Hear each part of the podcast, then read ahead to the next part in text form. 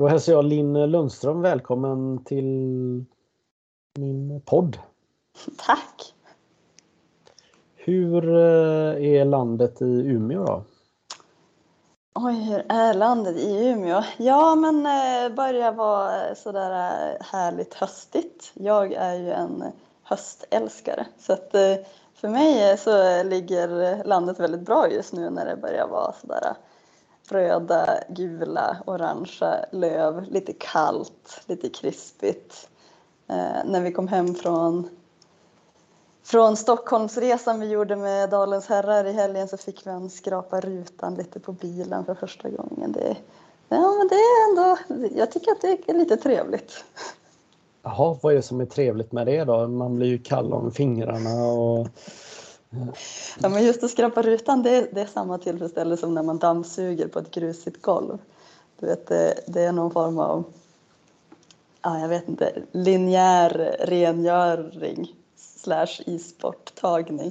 Ja, jag vet inte vad det är. Det, det är någon form av njutning som, eh, jag vet inte om jag delar det med fler norrlänningar, eh, men jag tycker att det är trevligt att skrapa rutan ibland. Mm. Ja, Mm, du eh, förstår eh, ingenting? Eh, ja, jo, jag förstår. Jag för, tror jag förstår vem du är som person. Du är, du är inne på de små detaljerna. Du, du, ser, eh, du ser det fina i de små detaljerna. Exakt. Ja, men det, du, du är helt... Det är härligt.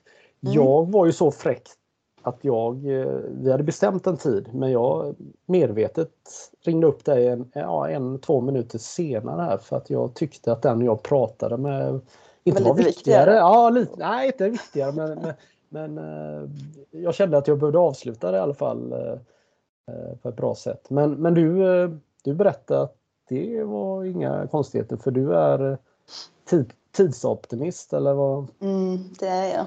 Alltså, det är, nu sitter jag och ler här men det är ju faktiskt en, eh, en last för livet att vara tidsoptimist. Jag, för min omgivnings skull och för min egna skull ibland också så försöker jag att jag vet inte, hitta bot för det här men jag, jag gör inte det särskilt bra. Så att varenda, vet, varenda morgon på väg till förskolan då är det med minsta möjliga marginal och är det något som går lite utanför plan. Då, då är det inte många minuter jag har att spela på.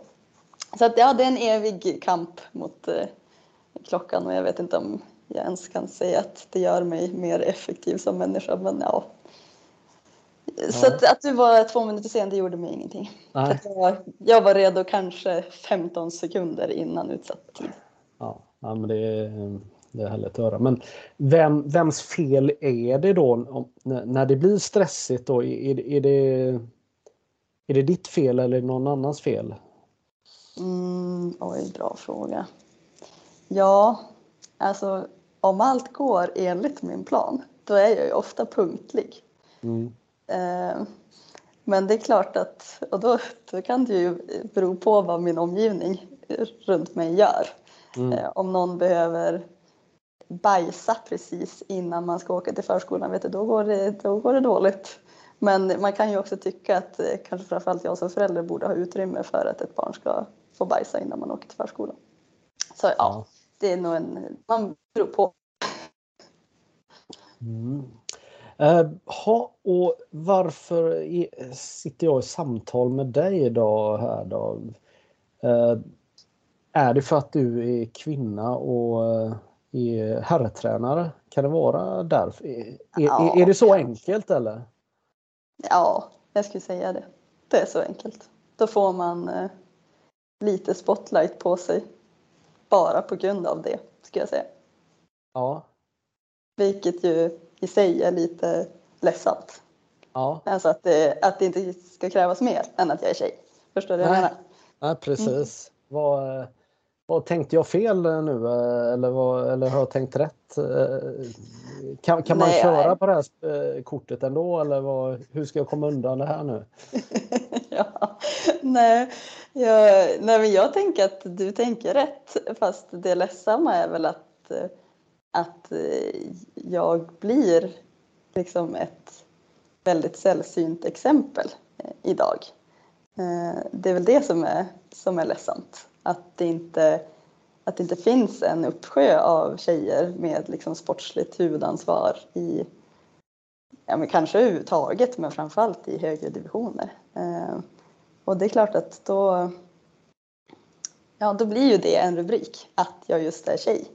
Så funkar det ju, för att det avviker från det som just nu är norm på tränarsidan. Så det är ju inget konstigt att, att du söker upp mig av den anledningen. Däremot så kan jag tycka att det är ledsamt för att läget är som det är. Eh, så. Mm. Ja, men nu vet jag ju vem du är och har följt din spelarkarriär och sen så är du ehm, med i en förening som helt plötsligt inte har SSL-status. Så, så att det finns ju andra anledningar också. Man vill ju veta hur, eh, hur landet är, hur, hur, eh, hur alla som jobbar och brinner för dalen har mått sedan den här chockartade matchen i Gävle i, i våras där mm. det gick så snabbt. Ingen riktigt fattade vad, vad som hände. Man förstod att det kunde gå dåligt men, men någonstans så ja, skulle inte det ske som, som skedde. Att, att förlora mot en superjumbo och då trilla ur SSL. Mm. Nej, alltså hade jag tippat innan serien drog igång, alltså som utomstående, då hade jag ingenting med Dalen. Vill du fortsätta lyssna på hela avsnittet? Det kan du göra som Innebandymagasinet Plus-medlem. Logga in på innebandymagasinet.se